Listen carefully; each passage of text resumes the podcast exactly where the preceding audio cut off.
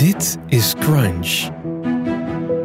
What's cooking in de wereld van food marketing? Met culinair journalist Marcus Polman. Hallo, mijn naam is eh, Marcus Polman. Hier hoor je over de movers en shakers uit de wereld van food. Met vandaag Isabel Boerdam, oprichter van de hippe vegetariër. Je hoort in deze uitzending hoe je als foodmerk kunt inspelen op de huidige vegatrend. En wat je kunt doen om succesvol samen te werken met een food influencer. En what's next op het gebied van vegetarisch eten. Dit is Crunch. Isabel Boerdam is 28 jaar en sinds haar negende vegetariër. Vijf jaar geleden startte zij het succesvolle online platform De Hippe Vegetariër. Haar motto? Vegetarisch eten kan best leuk en best lekker zijn. Een dame met een vooruitziende blik. Want groente en vega is de alles overheersende foodtrend van dit moment. En de verwachting is dat dit de komende jaren verder zal groeien. In Nederland is zij inmiddels de autoriteit op het gebied van vegetarisch eten en een vegetarische lifestyle. En Isabel is nog lang niet klaar met haar missie, zo lijkt het. Welkom Isabel. Hallo, dank voor de mooie introductie. Jawel, ja, het zijn, uh, het zijn uh, opwindende tijden hè, voor de vegetariër. De vegaliefhebber die heeft echt uh, de wind mee. Absoluut. We hadden de, de, de allerhande kerstnummer, daar is veel ophef over. Want er stonden te veel vegetarische gerechten in. Tot grote consternatie van met name de vleesliefhebbers. We hadden het rapport van de RIVM, een vuistdik rapport waarin stond dat we afgelopen vijf jaar meer groente en fruit zijn gaan eten en minder vlees. Zeker. En dan zagen we ook nog eens een keer het voedingscentrum met een campagne gericht op mannen. Van jullie kunnen best wat minder vlees gaan eten. Ik zou zeggen, gefeliciteerd. Vega die staat overal op de kaart. Je missie is geslaagd. Zit je werk erop? nee, absoluut niet. Als je natuurlijk kijkt naar uh, bijvoorbeeld al hoe er, hoe er op de allerhande gereageerd wordt. Uh, dan, dan zie je dat uh, het hele vlees-vega verhaal best wel een emotioneel onderwerp is. Behoorlijk. Ik was, ik was toevallig vorige week um, op een soort van duurzaamheidsavond in Waddingsveen of all places. en daar had ik echt een heel vrij traditioneel publiek. En het geroezemoes in die zaal wat ontstond toen ik gewoon mijn verhaal over een dagje minder uh, vlees uh, vertelde. Wat zie je gebeuren op zo'n avond? Wat gebeurt er? Wat voor reacties krijg je dan? Uh, nou, in eerste instantie gaan mensen echt met de hakken in het zand. Echt heel erg anti. Op de een of andere manier is dat stukje vlees op je bord is echt een soort van ja, keuzevrijheid. En op het moment dat je dan ze vertelt dat nou ja, ze misschien ook eens anders kunnen kiezen of dat het eigenlijk niet zo goed is, hebben mensen echt het ze persoonlijk aanvalt. Ja. Terwijl als je het hebt over plastic scheiden of met de trein in plaats met de auto gaan, is dat op de een of andere manier een veel neutraler onderwerp. Oké, oké, oké. Ben je, ben je wel verrast door, want wat ik zei over de allerhande, te veel vegetarische gerechten. Je ziet overal in de supermarkt een enorm aanbod. Je bent wel al heel ver gekomen hè, wat dat betreft. Waar staan we wat dat betreft als het gaat om jouw missie om Ehm, mensen vegetarisch te laten eten? Ik denk dat we zeg maar zitten aan, aan, de, aan de onderkant van die golf die zeg maar binnen nu en twee jaar echt gaat spoelen. Oké. Dus ik denk eigenlijk dat, dat dit pas een topje van de ijsberg is van, op het gebied van wat er gaat gebeuren. Je ziet nu enerzijds dat er vrij veel discussie over is. Dus het is in ieder geval een onderwerp van gesprek. Dat is heel belangrijk. Maar je ziet ook dat er nog heel veel mensen zijn die er echt niet mee bezig zijn. Of, of er nog zich tegenaf zetten. En ik denk dat twee jaar na nu. Um, is het echt al een stuk normaler en, uh, en, en, en, en, gaan we allemaal iets meer um, dezelfde kant op. Ja, ja, ja. Um, wat is volgens jou het grootste misverstand over vegetarisch eten en vegetariërs? nou ja, natuurlijk allermeest gehoorde argument is dat het niet lekker zou zijn, dat het saai zou zijn, smaakloos, ingewikkeld, duur, hoor je ook vaak. Ja. Um, is dat niet zo? Nee, ik zeg altijd dat je als ik zou echt voor elke Nederlander een keer willen koken. Oké. Okay. En dan weet ik Mooie zeker. missie, ja. Nou ja, dat is denk ik eentje die ik niet ga naleven. Ja. Uh, maar uh, ik geloof echt dat als mensen een goede vegetarische maaltijd voorgeschoteld krijgen, ja, daar kan je gewoon niks op afdingen. Um, uh, en, en dat zie je zowel uh, in de supermarkt, echt mooie producten. In de horeca is een goed aanbod. Uh, dus, dus vegetarisch eten is helemaal niet meer beperkend. Ja, noem eens één heel, Isabel, één heel goed, lekker, makkelijk te maken gerecht... waar je mij als hartstochtelijke carnivore in één keer gek mee kan maken. Zeg je, dat is zo lekker, dat is zo goed. En het is nog helemaal vegetarisch ook. Uh, dan ga ik voor de notengehakttaart van mijn moeder. De notengehakttaart, oké. Okay. Ja. Er zit ge geen gehakt in dus? Nee, nee, nee. nee. Een goede hoeveelheid noten. En als ik hem maak, dan doe ik er ook nog veel kruiden en groenten in. Maar dat is echt zo'n Bourgondisch brood, eh, eh, rijk, ehm, eh, nou ja, zeg maar, het voedt echt goed. Eh, mijn vriend is er dol op. Ja. Eh, ik denk dat jij dat wel de hele dag kunt eten. Eet je vriend vlees eigenlijk? Ja. Ja? Ja. Oké, dat kan gewoon in één relatie samengaan. De vegetariër met de vleeseter. Wat Ja. jou betreft. Ik ben ook geen activist in die Je- zin. Eh, ik ben veel meer een inspirator. Een inspirator wil jij zijn. Ja. Vijf jaar geleden ben je begonnen met eh, de hippe vegetariër. Een buitengewoon succesvol platform. Hè. Je hebt meer dan 60.000 followers als het gaat om social kanalen. Meer dan 150.000 unieke bezoekers. Chapeau, petje af daarvoor. Wat stond jou voor ogen toen je daarmee begon?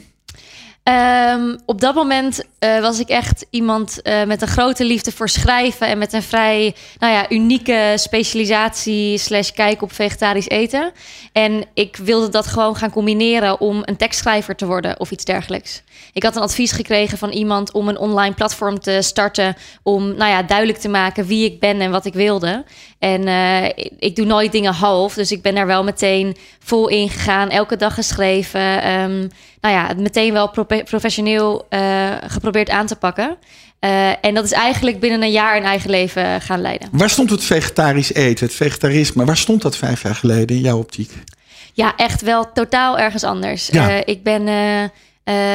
Dat was dus eh, tijdens mijn master dat ik dat startte. En toen was ik nog steeds een van de weinige vegetariërs in mijn omgeving. Ja. Eigenlijk basisschool, middelbare school, bachelor. Heb ik, ben ik altijd een van de weinigen geweest. En nu zie je echt dat het een onderwerp van gesprek is. Dat eh, vegetarische schap in de supermarkt is uitgedijd. Ja. Eh, de, de, de bloemkoolrijst, bloemkoolpizza's zijn opgekomen. Het, is echt, het, het heeft echt een vlucht genomen. Je ziet ook in restaurants, hè? dat valt mij altijd op, dat de professionele restaurantcritici verbolgen zijn als er niet een volwassen vegetarisch menu door de chefkok wordt geserveerd. En dan Ja. meteen leidt tot onvoldoendes.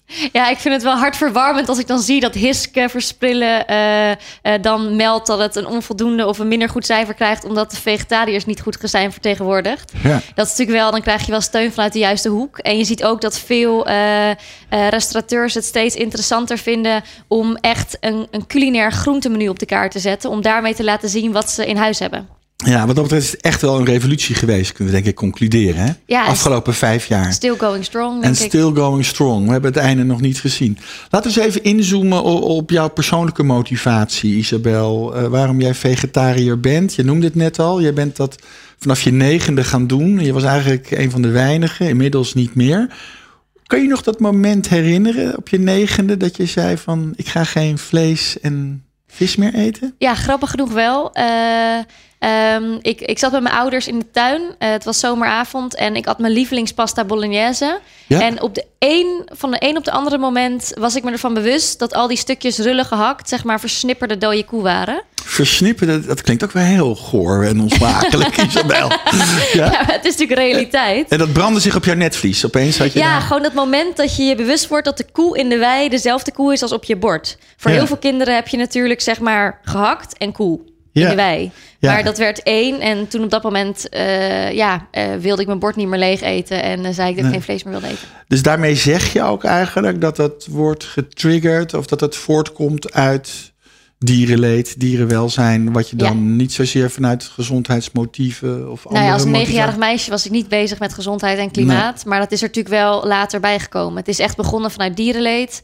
Ehm, en eh, nou ja, in mijn studententijd eh, heb ik ook vegetarisch eten heel erg ingezet eh, om gezond en fit te zijn. Natuurlijk met, nou ja, het, het uitbundige leven was dan voor mij wel een soort van houvast om groente, granen, pulvruchten te Ja. eten. Ehm, en nu dan, ja, de laatste jaren met natuurlijk de klimaatdoelstellingen. En als je dan je er bewust van bent wat de impact is van de dierenindustrie, Ja. ehm, nou ja, dan is, vind ik dat ook een heel zwaarwegend argument. Ja, ja, ja. ja. Hoe, hoe rekkelijk of precies ben jij als het gaat om het niet eten van dode dieren? Eh, ja, daar ben ik wel vrij precies in. Maar als je het aan eh, mijn volgersgroep zou vragen, daar zit natuurlijk ook eh, een aardige hoeveelheid bijvoorbeeld veganisten in, Ja. die 100% plantaardig eten. Ja, ja, die zeggen wel eens, Isabel, wat jij doet is niet genoeg. oké. Ehm, Word je dan echt gekapitteld met het wijsvingertje? Van ik, he- ik heb Hoort ja. bij de afvallige, Isabel. Ja, die, die zijn er. En ik, ik geloof daar niet in, omdat ik vind dat eh, als we allemaal een stapje in de goede richting doen, dan hebben we veel meer impact dan als een aantal mensen helemaal, eh, zeg maar, de, de, de hardcore kant kiezen.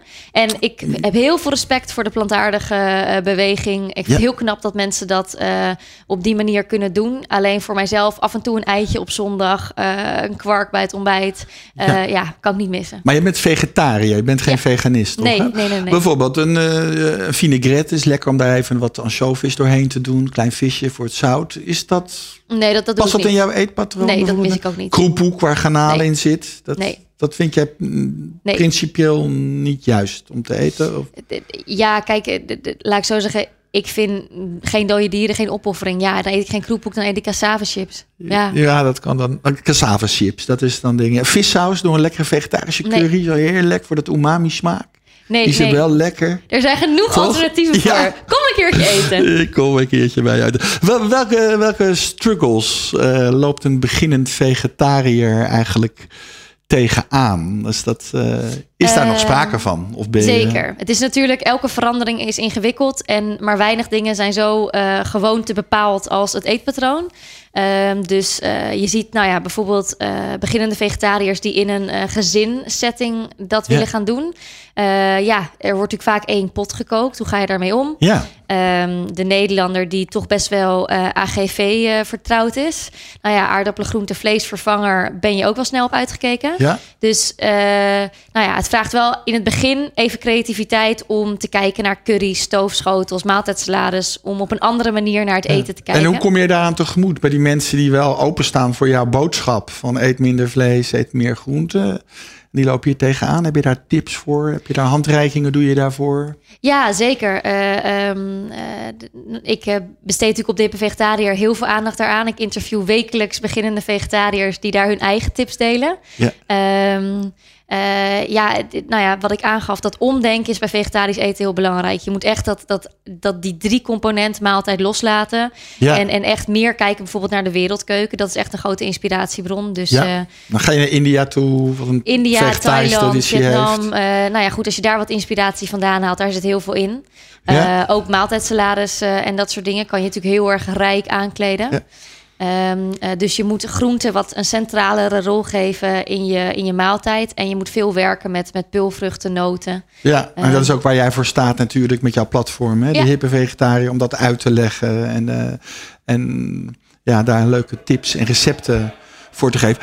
Eh, ik associeer, zie jij daar nog verandering in? Ik associeer het bewustzijn over vegetarisch eten en ik word vegetariër ook heel erg met, dat bedoel ik niet vervelend, maar meisjes inderdaad van 9, 10, 11, 12. Mijn eigen dochter is eh, 14, die dan dat bewustzijn hebben. Zie je daar verandering in? Dat mensen ook op andere, in andere levensfases toch vegetarisch gaan eten? Zeker, en het is grappig dat je dat zegt, want ik zelf zie eh, eh, eh, vegetarisch eten eigenlijk heel erg als een hele bewuste keuze van de moderne, weldenkende mens die zich bewust is van de wereld om zich heen, zich bewust is van de eigen gezondheid en nou ja, bereid is om nou ja, op een creatieve manier in de keuken te staan. Eh, dus ik vind het. Ik had eigenlijk altijd het gevoel van. Het wordt een beetje in een soort van hokje geplaatst. Alsof het een soort van eh, ja, religie of een soort van strikte keuze is. Ja. Terwijl eh, ehm, eh, ik eet echt heel Bourgondisch vegetarisch. En ja, ik geloof juist dat het heel erg past bij de huidige tijd en de moderne mens. Ja, ook als je ouder bent of volwassen Zeker. bent, kan je daar ook eh, Alsjeblieft, ja, graag. aan overgeven. Ja. Ik, ik vind het soms toch ook wel, Isabel, ook wel ingewikkeld, moet ik eerlijk zeggen. Want dan zie ik op die websites en alle blogs die ik volg, zie ik waar al die kreten. Dan zit weer Ayurveda, dan is het weer detox eten, glutenvrij, paleo, raw food, vegan. Ik raak soms een beetje in verwarring. Want godsnaam, doe ik het wel goed? En ik denk met mij ook wel veel consumenten. Begrijp je dat? Dat dat zeker, gebeurt? zeker. Eh, voor mij eh, hoort vegetarisch eigenlijk niet in dat rijtje thuis. In die zin dat vegetarisch is zo'n algemene, ehm, eh, gematigde keuze. Dat Ja. lijkt misschien niet zo voor veel mensen, maar Ja. dat is echt zo. Ehm, Uh, al die andere uh, eetstromingen zijn vrij uh, radicaal. Ja. die gooien echt een, een grote, grote groep of, of kookbereiding uit het patroon. Ja. Terwijl, ja, ik, ik geloof echt dat wie je ook bent, welke leefstijl je ook hebt, of je nou een sporter bent, groot gezin, heel erg houdt van lekker eten.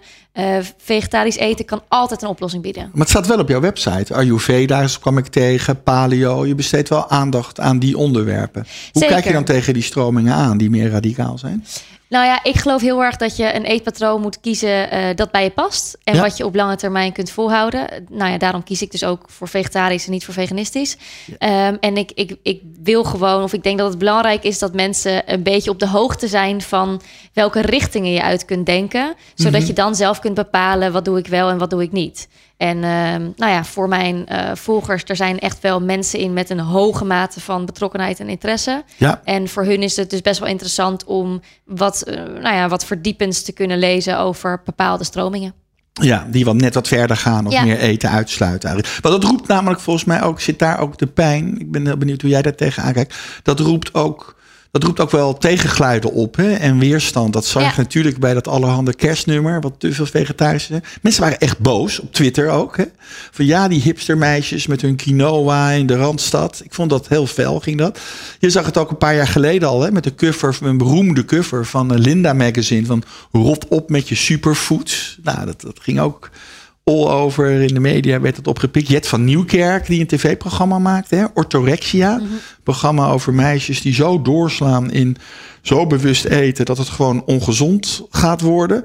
Hoe kijk jij daar tegenaan? Die tegengeluiden die dat oproept. Eh, ik denk dat het op zich heel, heel goed is. Eh, ehm, er is. Er is op dit moment best wel een, een overspannen interesse in voeding. En daar, eh, nou ja, Een overspannen interesse. Ja, dat is mooi gezegd. Ja. Ik, eh, ik profiteer daar natuurlijk ook van. In, in die zin dat het natuurlijk, eh, nou ja, dat maakt ook dat, dat mijn foodblog natuurlijk nu ook succesvol is. Ja. Maar ik geloof wel dus heel erg dat we met z'n allen, nou ja, als het gaat om voeding, is er in ieder geval geen één waarheid. Alles is yin-yang. Mhm. Dus in die zin, ehm, ja, vind ik, ja, het allerbelangrijkste is dat mensen naar hun lichaam leren luisteren. En eh, bijvoorbeeld, ik ken genoeg mensen die, eh, weet ik veel, minder koolhydraten proberen te eten. Sommige mensen gaan daar echt heel goed op. Die voelen zich dan energiek en fris. En als je dat ervaart, dan moet je dat doen. Als ik weinig koolhydraten eet, word ik heel zagrijnig, heb ik de hele dag honger. Ja, weet je, zo verschilt het gewoon. Dus mensen Ja. moeten vooral eh, ja, bewust eten, kijken wat het met ze doet en daar conclusies aan verbinden. En niet gedachteloos dingen in je mond proppen. Nee, maar het is inderdaad wat je zelf ook al zegt. Het is best wel overspannen soms, die Ja. aandacht daarvoor. Dat leidt ook tot, tot dat hele, naar mijn smaak, hele malotige dingen. Want we hebben net de, de groene matcha thee achter de rug. En inmiddels hebben we het weer over de blauwe matcha latte. Dat wordt daar eh, besteld bij de Coffee Company.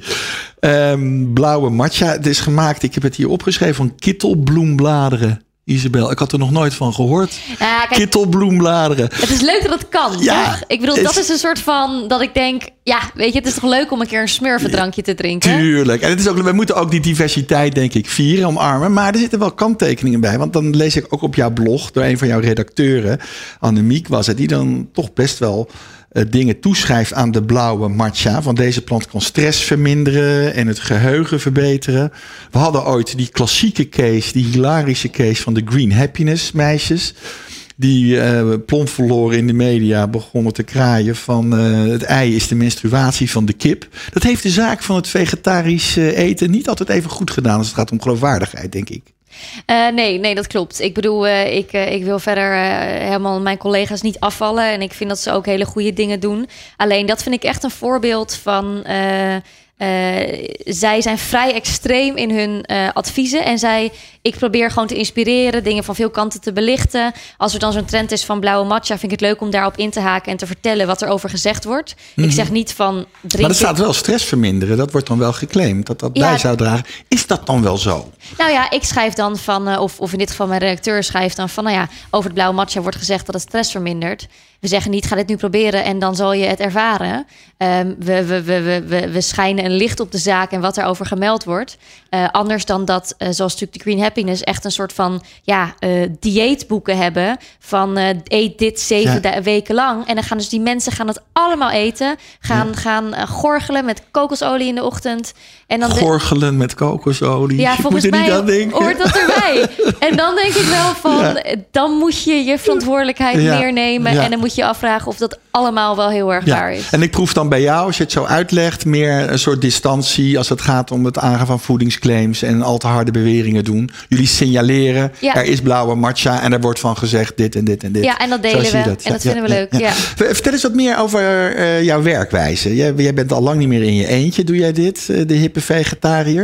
Je hebt een, een, echt een bedrijfje, een bedrijf, een organisatie. Hoeveel mensen werken er nu met en voor jou? Hoe moet ik dat zien? Ehm, eh, ik plus vijf meiden en twee stagiairs. Dus we zijn inmiddels eh, met z'n achten. Wat is de rol van de hippe vegetariër binnen jouw bedrijf? Dit is heel belangrijk, want dat is eigenlijk waar het begonnen is. Dus dat is het, het zaadje wat een plantje is geworden en wat ervoor heeft gezorgd dat ik nu, nou ja, eh, zoals jij het dan noemde, de vegetarische autoriteit ben van Nederland. Ja. En dat zorg- zorgt er natuurlijk voor dat we op een geloofwaardige manier in deze niche kunnen opereren en kunnen adviseren. Ja. Eh, en dat we er ook heel veel over weten inmiddels en dagelijks leren. Ja. Eh, dus dat is echt de, eigenlijk de kern van het bedrijf. Het zorgt ook dat we op de hoogte blijven van de trends, dat we weten wat er speelt. Ja. En dat we dus ook eigenlijk een waardevolle adviespartner Ja, zijn. en dat betekent veel contentcreatie, hè? Voor Ja. je blog, voor je social kanalen. Zeker. Je maakt boeken tegenwoordig. Er komt weer een nieuw boek uit, hè? Ja. Dat was het. Ja, eh, de Vega-bijbel. De Vega-bijbel werk je aan. En dat is allemaal onderdeel van jouw eh, bedrijfsvoering. Eh, jij bent ook influencer met de hippe vegetariër. Jij als persoon, maar ook de mensen die achter jou staan.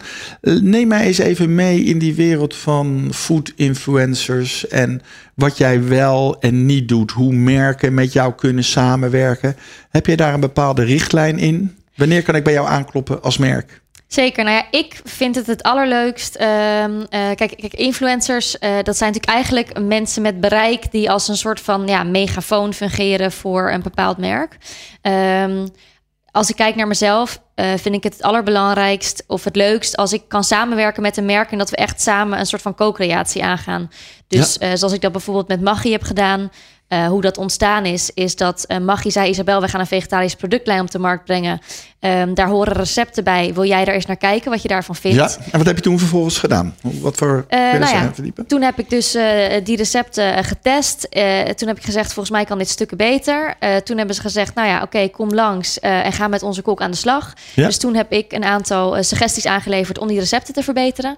Ja. En vervolgens waren ze daar eigenlijk heel enthousiast over. Toen hebben ze dat ook bij een consumentenpanel getest en is heel goede resultaten zijn eruit gekomen. Ja. Nou ja, en toen zeiden ze, Isabel, we gaan jouw recepten gebruiken op de verpakking. Ehm, ja, zullen we er niet samen een product van maken? Ja. Dus toen kwam mijn logo en mijn verhaal op de verpakking en werd het echt een soort van Maggie en de hippe vegetariër brengen een dagje geen vlees productlijn. Ja, en dan sta ik echt op de bühne om te vertellen hoe goed dat product is, want Ja. ik was erbij vanaf de start. Ja, je hebt het zelf Ehm, mede ontwikkeld. Ja, je dan omdat eh, wellicht eh, mijn volgers die zullen in eerste instantie gezegd hebben: Isabel, Maggie, pakjes en zakjes, Ja. wat is dat nou? Maar eh, ja, ik ken dat product zo goed en, en ben in dat proces natuurlijk zo betrokken geraakt bij dat bedrijf en snap zo goed wat ze doen. ja.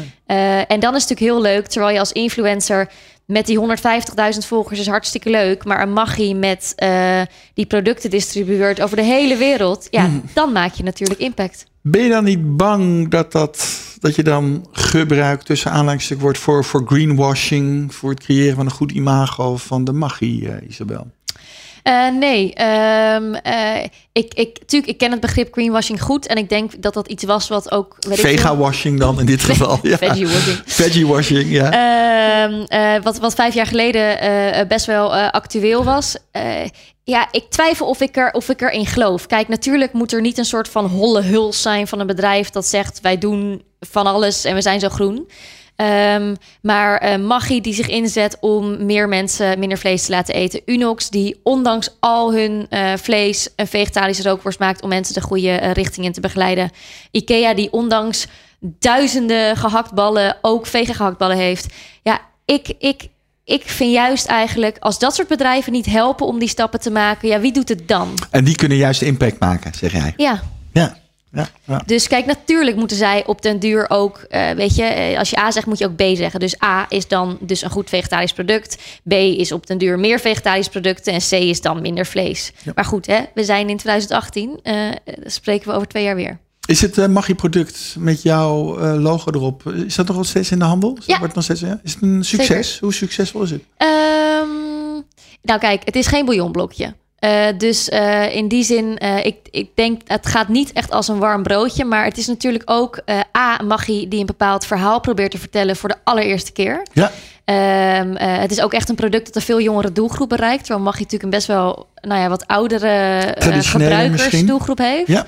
Dus ik geloof zelf heel erg dat ze nu een bepaalde route hebben gekozen. Um, nou ja, waardoor ze eigenlijk een hele nieuwe doelgroep aanspreken op een nieuwe, frisse manier. En dat moeten ze gewoon uh, ja, blijven doen. Uh, dus het is een product dat in die zin uh, ook echt op het uh, snijvlak van imago en reputatie echt wat doet. en dat een soort van, nou ja, het, aandacht behoeft voor de langere termijn. Begrijp het, ja. Je, je noemde hem al, hè, de, de, de Unox vegetarische rookworst. Die hebben ze onlangs gelanceerd. Een ongelofelijke media-hype en media-aandacht had dat tot gevolg. Hoe vind je hem smaken? Uh, ik ben zelf zeg maar geen worstenvrouw. In de zin van, uh, um, ik, ik eet wel eens een vleesvervanger, maar dat is dan nooit een worst. Ik zag wel een stukje bij jouw website gesponsord daarover. Over de zeker, zeker. Dus dat doe je dan wel Ik vind er ook wat van. Ja. Uh, kijk, ik, van alle worsten in het schap die ik tot nu toe geproefd heb, vond ik dit de beste. Uh, zou ik hem elke dag of morgen weer eten? Ja, ik heb er niet zo'n behoefte aan. Nee. Maar binnen de categorie rookworst vond ik het een heel goed vegetarisch alternatief. En dat speelt natuurlijk ook een grote rol. Uh, voor mijn lezers is het natuurlijk best wel wereldnieuws dat er een vegetarische rookworst is van een merk als Unox. Dat, nou ja, oprecht daar zeg maar het allermeest verstand ja. van heeft. Wat was de samenwerking met Unox in deze vegaworst? Was dat één of twee posts? Of heb je meer gedaan? Was je betrokkenheid groter? Um, uh, toevallig uh, heb, ik met het, uh, heb ik met het reclamebureau TBWA heb ik, uh, gezeten toen zij aan die campagne gingen werken. Dus ik heb ze geadviseerd vanuit mijn visie over de doelgroep en de messaging. Um, dus ik ben daar bij de start geweest. En vervolgens ben ik door Unox ingehuurd om te helpen om het nieuws van de worst te verspreiden. Ja, ja. Als we nou even los van deze case, hè, maar als we dan een uh, influencer worden vaak ingezet om een post te doen, een sponsored post, één, twee of drie. Wat voor bedrag moet ik dan aan denken als ik een heel fijn, leuk stukje gesponsord op jouw blog of jouw platformen wil hebben? Ja? Um, ik werk in principe samen met AdFactor. Dat is een, ja, uh, een, een mediabureau. Ja. Uh, en um, ik geloof dat als je op hun uh, website kijkt... dan uh, staat er 1750 euro voor een blogpost. Ja. Nou, dat is, een, dat is natuurlijk een flink bedrag. voor één post? Voor één op echt... social kanalen of op je nee, website? Nee, nee, op de, op de blog. Ja? En daar hoort altijd bij dat het dan ook op, op Facebook en Instagram komt. In ieder Ja. geval, ik vind dat belangrijk. Want ik ben natuurlijk wel verantwoordelijk ook voor de distributie van die post... Dan om, Dat het goed bepaalde, gaat scoren. om bepaald bereik te halen. Want daar betaalt een klant voor. Ja. Eh, Garandeer je dat bereik? Uh, ja, ik wel. Kijk, ik, ik, uh, ik ben daarin gewoon wel heel zakelijk. Uh, ja, daar betalen ze voor, dus dat moet er komen. Dus als dat niet organisch of gemakkelijk gaat, ja, dan zet ik er geld achter om dat bereik alsnog te behalen. Voor jouw eigen rekening, ja. zeg maar dan. Ja. 1750 euro, dat is bruto bruto. Of ben je, Ja, dat kan gaat- je daadwerkelijk ook wel vragen. Dat is ook wel bedrag. Eh, daar gaat AdFactor fee nog vanaf. Eh, en vervolgens wordt er nog onderhandeld. En dan is er nog een pakketje en dan krijgen ze nog meer korting. Ja. Eh, kijk, als ik het zeg maar... Ik doe ook wel eens voor start-ups of zo... eh, of eh, kleine bedrijven zelf dingen. En dan eh, zit ik eerder op een bedrag van eh 750 euro. Ja, precies. Omdat Dus- het kleinere bedrijven zijn met Ja. minder draagkracht. En Ja, ja, ik vind het een fors bedrag, 1750 als je dat vind Als je dat kijkt naar de ouderwetse, vroeger hadden we dat nog, heel vroeger zeg ik dan, de, de advertentietarieven van een, van een Ja. food magazine als Delicious El Eten, weet je, die kwamen ook in die buurt. Dus Ja. eh, dat is niet mis. Nou, zoals ik het- maar het is natuurlijk de hele verschuiving die we zien in de mediaconsumptie als het gaat om eten. Nou, zoals ik het vroeger uitrekende, op, toen ik natuurlijk eh, in de eerste drie jaar van mijn blog had ik geen eh, zakelijke partner. Dus eh, bedacht ik dan zelf wat ik dan ergens voor moest vragen. En toen een sommetje wat mij ooit is verteld, is eh, eh, 10 euro per 1000 unieke bezoekers. Ehm, dus bijvoorbeeld voor 50.000 unieke bezoekers vroeg ik dan, vroeg ik dan 500 euro. En nou, inmiddels zit ik op 150. Ja, dan zit je inderdaad rond die 1500 euro. Ja, Dus ik, ik, ik krijg het zelf eigenlijk mijn strot niet helemaal uit. Ehm, ehm, maar nou ja, als ik mijn sommetje programmaatje aanhoud, wat ik toen al die tijd heb gevolgd, dan, ja, dan zit ik er wel. Maar goed, ik vind ook, weet je, je moet ook een beetje aanvoelen wat iets waard is. Ja. Eh, Ehm, en, en dat is natuurlijk het lastige van een blog. Ik kan me voorstellen dat luisteraars echt van een stoel afdonderen dat ze denken dat is makkelijk verdiend. Maar wat natuurlijk waar je rekening mee moet houden is A, dat ik al vijf jaar in dit platform aan het investeren ben. En nou ja, eh 80, zo niet 90% van mijn tijd daar gewoon helemaal vrijwillig aan besteed. Zonder dat er een basis die mij betaalt voor mijn tijd. Dus het is echt een soort van gecreëerde waarde en tijdsinvestering van de loop van de jaren. Die je ja, nu gedeeltelijk aan terugverdienen bent. Ja, dat hoort er natuurlijk ook bij. Jij bent ook eh, bekend van, daar ben je vorig jaar voor het eerst mee begonnen, van de Nationale Week Zonder Vlees. Dat was een groot succes volgens mij, die eerste editie. Want je gaat hem komend jaar weer doen, hè, in maart. Ja, klopt. Wat zijn de mijlpalen die je daar bij de eerste editie hebt eh, bereikt, Isabel?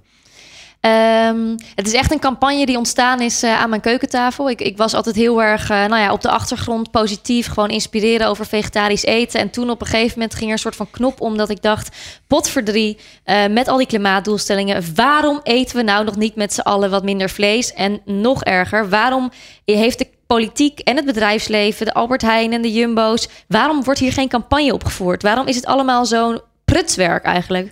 En toen dacht ik van, nou ja, ik vind gewoon dat er een nationale campagne moet komen die dit echt op de kaart zet. En als zij het niet doen, dan doe ik het wel. Um, nou goed, dus toen heb ik een plan bedacht uh, en ben ik uh, fondsen gaan werven.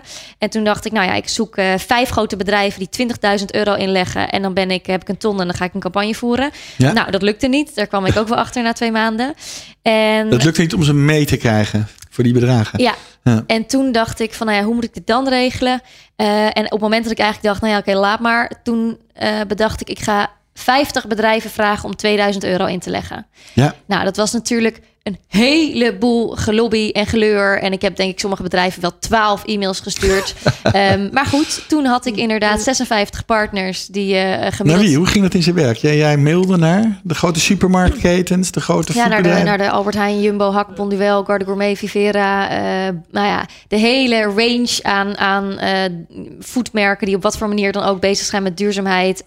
Natuurlijk, al die bedrijven hebben echt wel een soort van CSR-potje om bepaalde duurzame dingen te ondersteunen. Voor sommigen is het ook echt een direct raakvlak met hun business. Voor anderen is het een soort van PR-haakje waar ze dan weer op mee kunnen liften. Ja. Dus ik heb dat natuurlijk ook vanuit mijn communicatieachtergrond elke keer zo goed mogelijk proberen te verkopen. Ja. En tegen iedereen gezegd van jongens, wat is nou 2000 euro? Doe niet zo moeilijk, help me gewoon. Um, en dat is gelukt.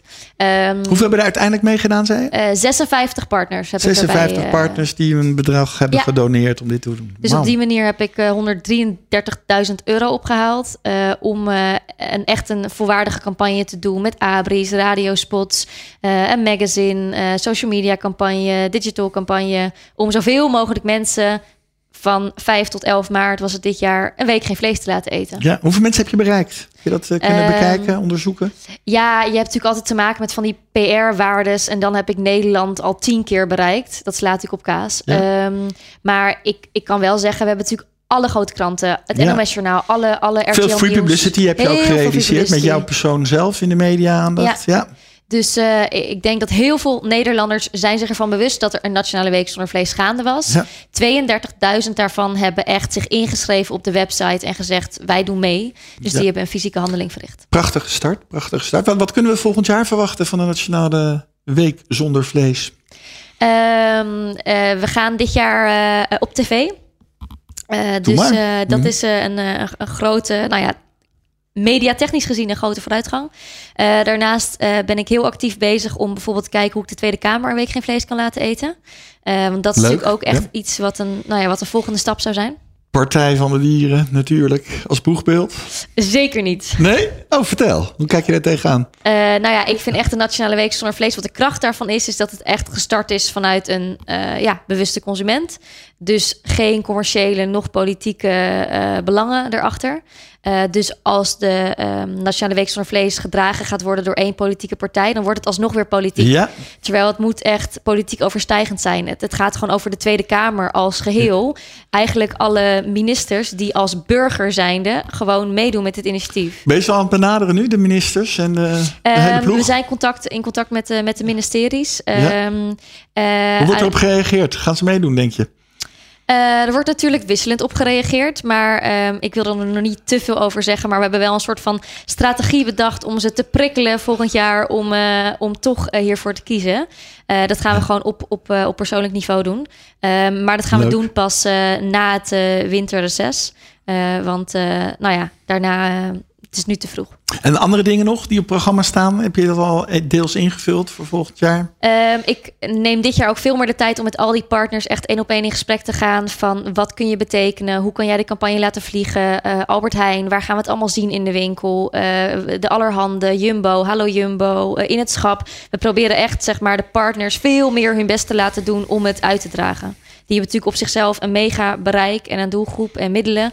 Dus uh, we proberen hun echt uh, nou ja, te enthousiasmeren om er meer ja. van te maken. Ik ben een merk, ik ben een marketingmanager van een foodmerk. En ik hoor dit verhaal van Isabel. Dat je, wat leuk, ik wil er ook een inhaken, ik wil meedoen. Wat zijn de tips die jij hebt als ik me met jou wil associëren en ook impact wil maken met mijn merk? Um, en met de Nationale Week zonder Vlees bedoel je? Ja, of met de hippe vegetariër. Allebei. Um, ik denk dat als het gaat over, over vegetarisch eten, wat, heel, wat, wat merken te weinig zien, is dat het echt een onderwerp van gesprek is elke dag. Dus heel veel merken zijn heel erg bezig om hun eigen boodschap te zenden. Terwijl eigenlijk zouden ze veel beter kunnen luisteren naar wat er zich afspeelt in de, in de samenleving en op social. En veel meer zitten op het inhaken. Op het voeden van de discussies. Op, op het merk laten zien op de juiste plek op het juiste moment. Dat klinkt misschien een beetje wazig. Maar ik denk eigenlijk dat zeker als het gaat om food en om uh, uh, uh, communicatie, dan moet er veel meer ingezet worden op PR en veel minder op marketing. Want dat hele boodschap naar buiten duwen, dat kennen we wel. Betaald, minder betaald bedoel je? Nou ja, ja, veel meer inzetten op, het, op, op de conversatie, op het dialoog en, en, en daar een rol in spelen. En dat doe je natuurlijk door PR, door samen te werken met influencers, door heel actief te zijn op social media als het gaat om food, is het minder van, van de abris en de televisiecampagnes. Want over food moet je praten. Mensen hebben vragen, mensen snappen dingen niet. Dus je moet echt die dialoog opzoeken met de consument, met je stakeholders, met de pers. Um, dus ja, ik, ik breek echt wel een lans voor een PR-inzet. Tot slot nog, uh, Isabel. Uh, je hebt me al helemaal lekker gemaakt met die uh, gehakt notentaart. Waar jouw vriend ook zo gek op is. Doe mij nog even tot slot en voor alle luisteraars nog één gouden tip wat wij als vegetarisch gerecht allemaal een keer gemaakt moeten hebben. Um, ja, dat is echt super eenvoudig. Uh, maar dat is uh, zoete aardappel, uh, geroosterd in de oven met rode peper en bosui en balsamico. En daar doe je dan verse vijgen bij.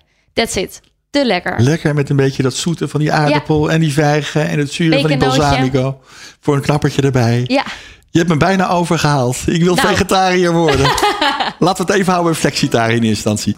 Dankjewel Isabel. Deze Crunch podcast is een co-productie van Marcus Polman, het PR-bureau en Marketing Tribune. Wil je een review achterlaten over deze uitzending? Laat je reactie achter op iTunes, Soundcloud of Stitcher.com. Heb je een leuk idee voor een gast of wil je zelf in deze Crunch podcast over je business case komen vertellen? Stuur dan een mail naar marcus.hetprbureau.nl Dit was Crunch voor vandaag. Keep on eating en graag tot een volgende keer.